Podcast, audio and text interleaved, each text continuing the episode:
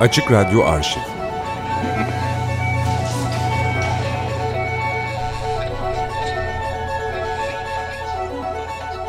Bilge Karasu aramızda.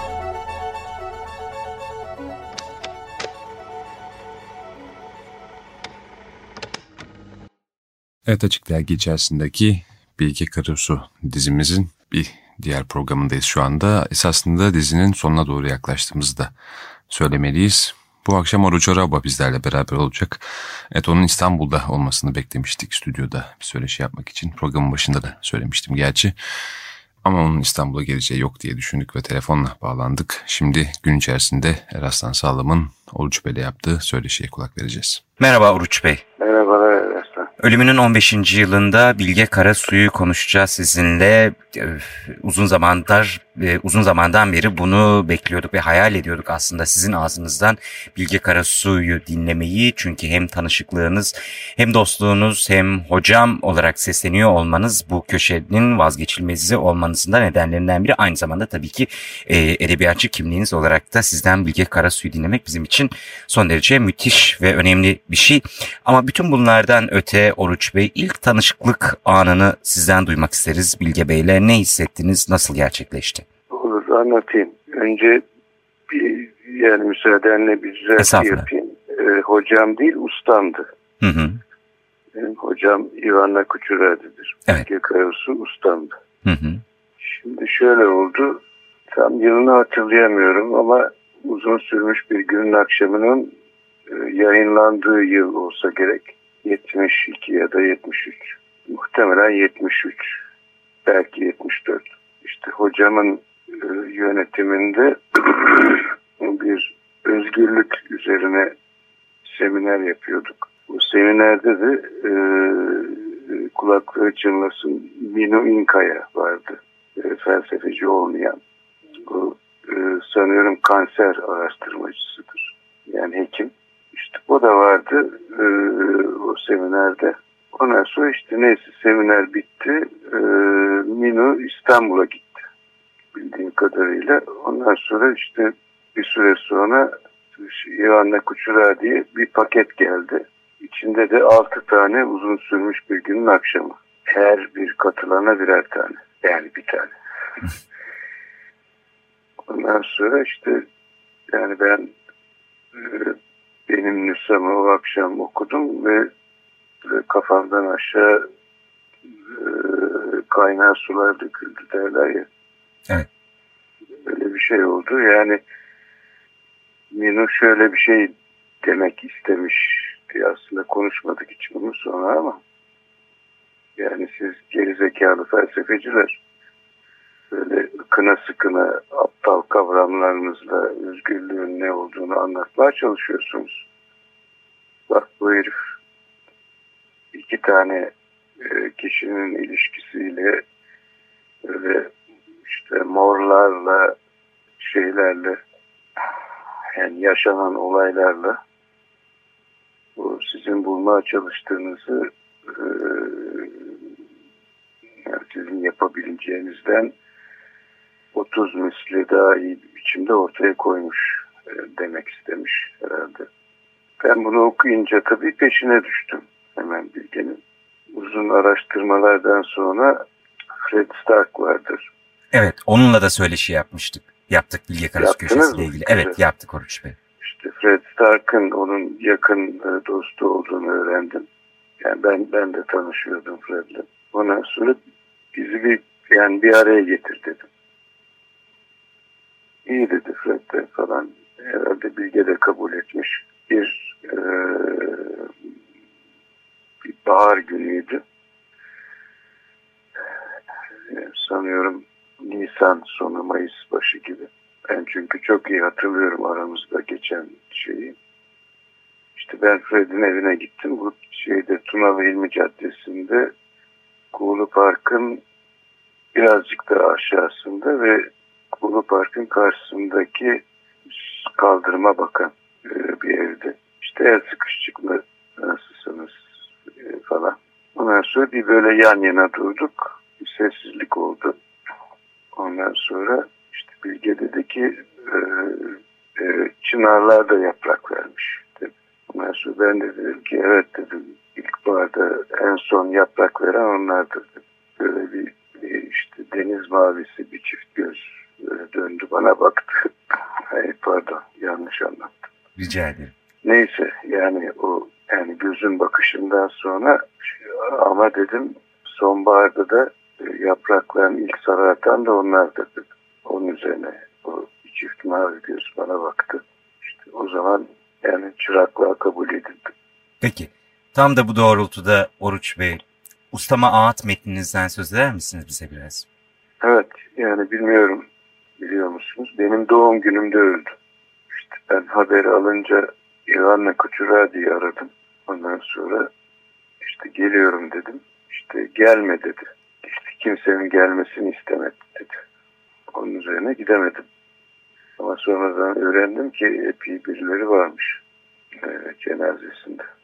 İşte öyle. Yani ondan sonra o, o, o metni yazdım. Yani 14 Temmuz'dan yani sanıyorum 15, 16, 17 falan öyle tarihlerde.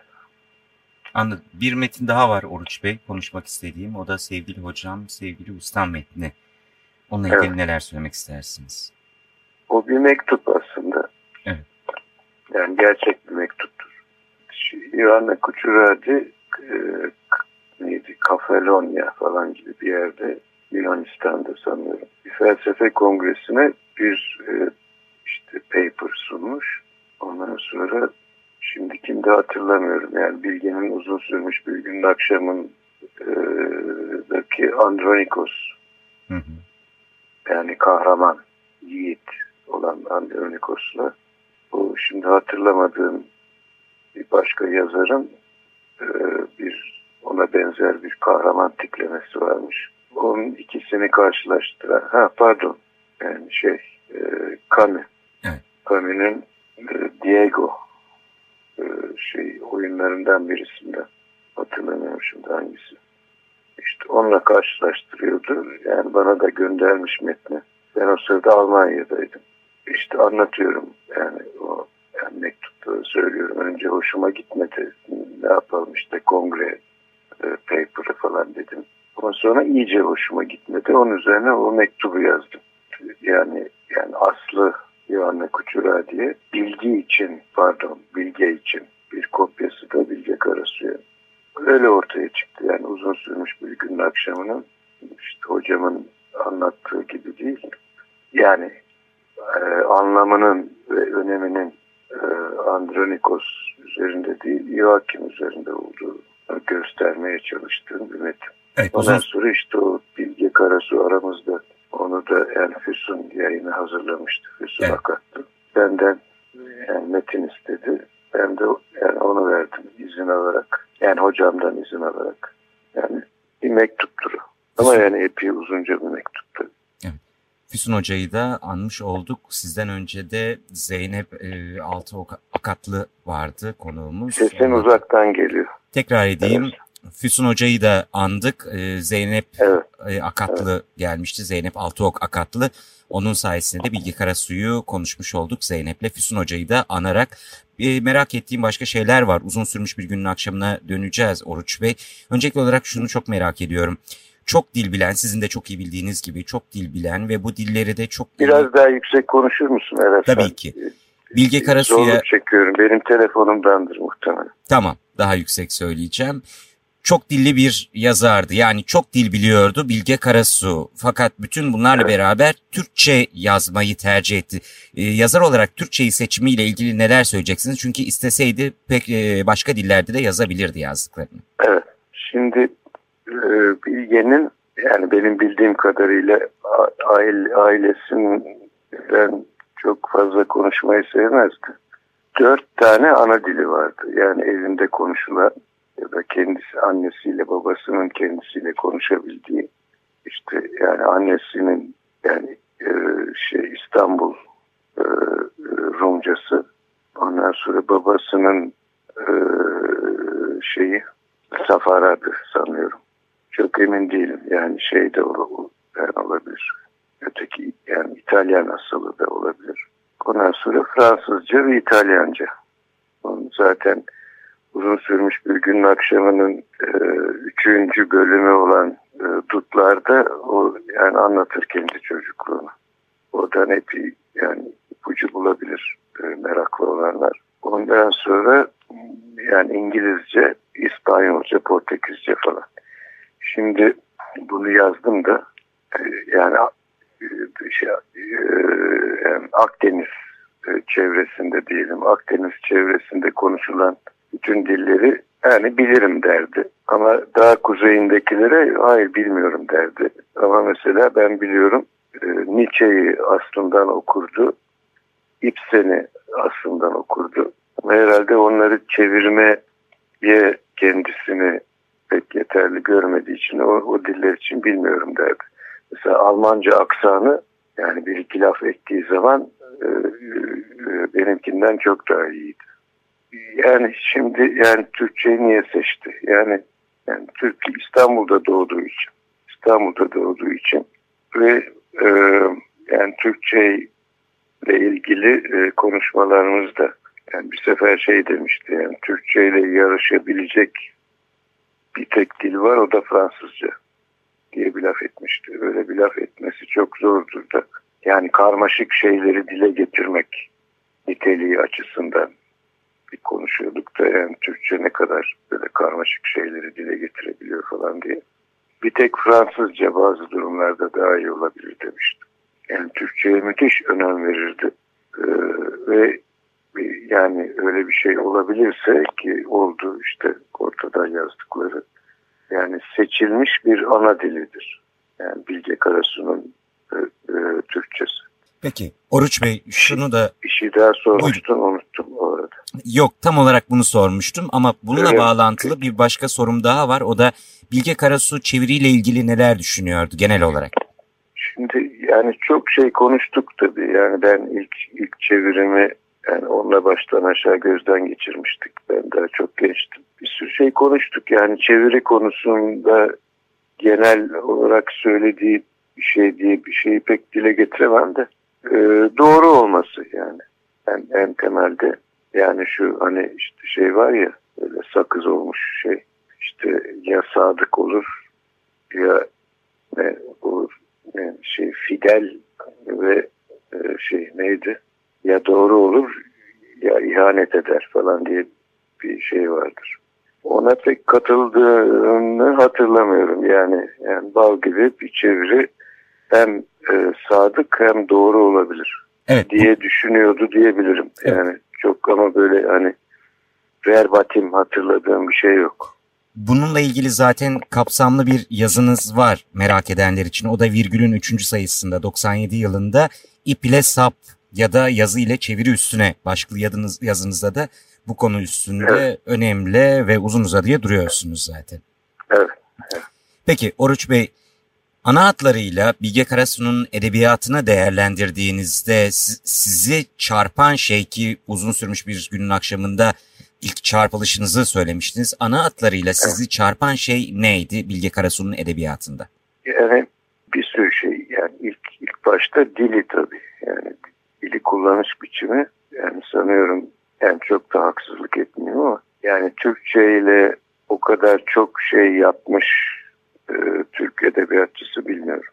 Yani Türkçenin neler yapabileceğini o kadar iyi göstermiş. Böyle çok genel şey söylemem gerekirse yani her her sanatçıdan beklenen bir şeyi e, yani, şey, yani olağanüstü bir boyutta ve yani inanılmaz bir bir bir derinlikle işlemiştir. O da şu yani işte özellikle edebiyatçılar genel olarak sanatçılar ama özellikle edebiyatçılar içinde yaşadıkları toplumun nerelerinde e, bozukluklar olduğunu ve bu bozukluklara yani ne gibi e, ne gibi çareler bulunabileceğini yani insanların bu toplumlarda nasıl yaşayabileceklerinin olanaklarını e, bir tür işte ortaya koyarlar.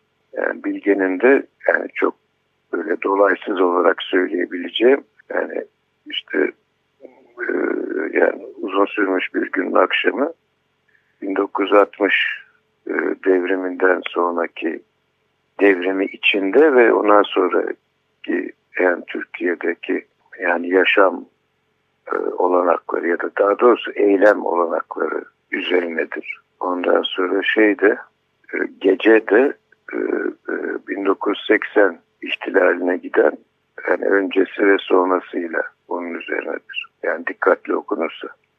Hiç öyleymiş gibi gözükmez. Ama yani o, o, o iki toplumsal olayın şey, irdelenmesi için de yani kişilere yaşama olanakları sunar. Yani bir anlamda bak böyle bir toplumsal yani olay olduğu zaman sen bunun içinde bir insan olarak böyle yaşayabilirsin gibi yani işte şimdi ben tabii berbat bir biçimde özetledim ama. Estağfurullah. Yani gerçek bir yazardı. Oruç Bey çok teşekkür ediyorum yayınımıza katıldığınız ve bu bilgileri verdiğiniz için size. Ben teşekkür ederim e, beni hatırladığınız için. Estağfurullah efendim. Tekrar tekrar çok teşekkür ediyorum. Yani Bilge'yi hatırlarken beni hatırladığınız için teşekkür ederim. Rica ederim. Çok da ayrı düşünmemiştik zaten. Tekrar teşekkür ediyorum. Peki. İyi akşamlar. Peki, iyi akşamlar. Kainatın tüm seslerini Açık Radyo